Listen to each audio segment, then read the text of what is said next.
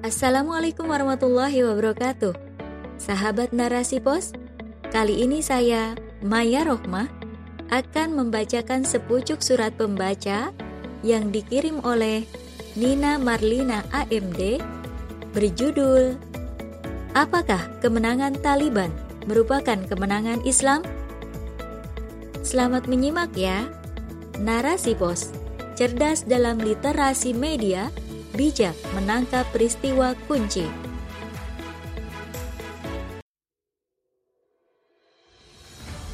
Dikutip dari sindonews.com, 20 Agustus 2021, akhirnya kelompok milisi Taliban secara resmi mendeklarasikan nama negara baru Afghanistan dengan nama Imaro Islam Afghanistan atau Islamic Emirate of Afghanistan pada hari Kamis 19 Agustus 2021 Deklarasi ini bertepatan dengan Hari Kemerdekaan Afghanistan.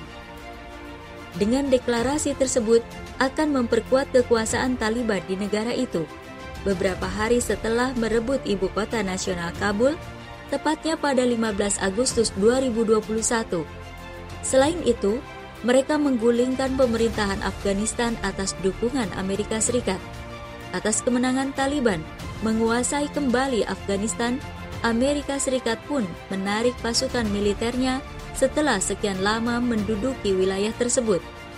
Selama 20 tahun, AS berperang melawan Taliban, yakni sejak tahun 2001 tatkala AS berhasil meruntuhkan kekuasaan kelompok militan ini.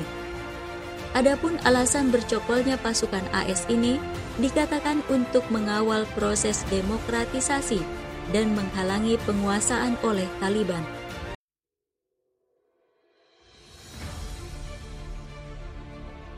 Taliban adalah kelompok militan Afghanistan yang terbentuk pada September tahun 1994. Tujuan kelompok ini adalah menegakkan negara yang akan menerapkan syariat Islam.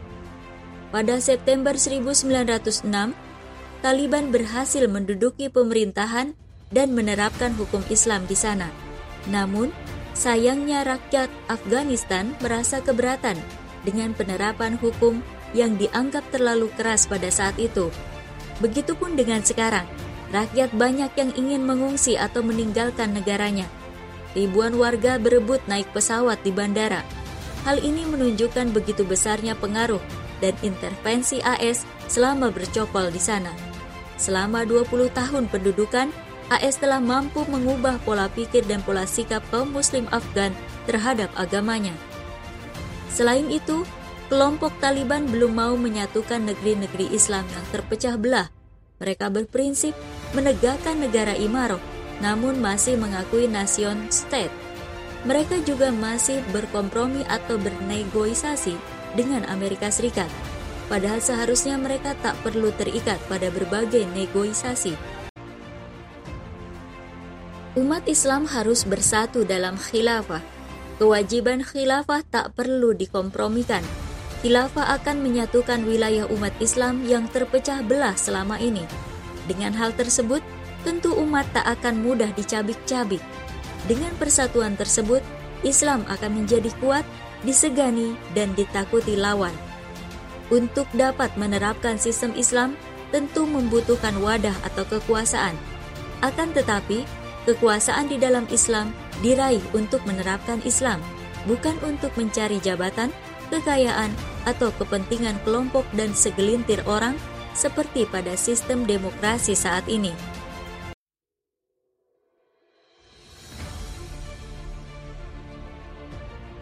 Selanjutnya, kelompok dakwah yang memperjuangkan tegaknya Islam harus memiliki fikroh atau pemikiran dan torikoh atau metode yang berasal dari Islam. Pemikirannya cemerlang, tidak tercampur dengan ide di luar Islam Begitupun metodenya senantiasa berpedoman pada metode yang telah dilakukan oleh Rasulullah Shallallahu Alaihi Wasallam. Tidak akan berkompromi dengan musuh untuk mendapatkan kekuasaan dan harta. Adapun torikoh dakwah Rasulullah Shallallahu Alaihi Wasallam terdiri dari tiga tahap, yaitu taskif atau pembinaan, tafaul atau berinteraksi dengan masyarakat, dan tatbik atau menerapkan sistem Islam. Dalam proses tafaul menuju takbik, ada proses yang dijalani, yakni tolabun nusroh, atau mencari pertolongan kepada para pemilik kekuatan yang mau melindungi dakwah dan siap menerapkan Islam. Dakwah yang dilakukan adalah secara pemikiran tanpa kekerasan. Rasulullah Shallallahu Alaihi Wasallam benar-benar mempersiapkan umat untuk mendukung dakwah dan bersedia agar Islam mengatur kehidupan mereka, bukan atas dasar paksaan, namun atas kesadaran akan wajibnya penerapan hukum Islam, bukan pula dengan kekerasan atau kudeta militer.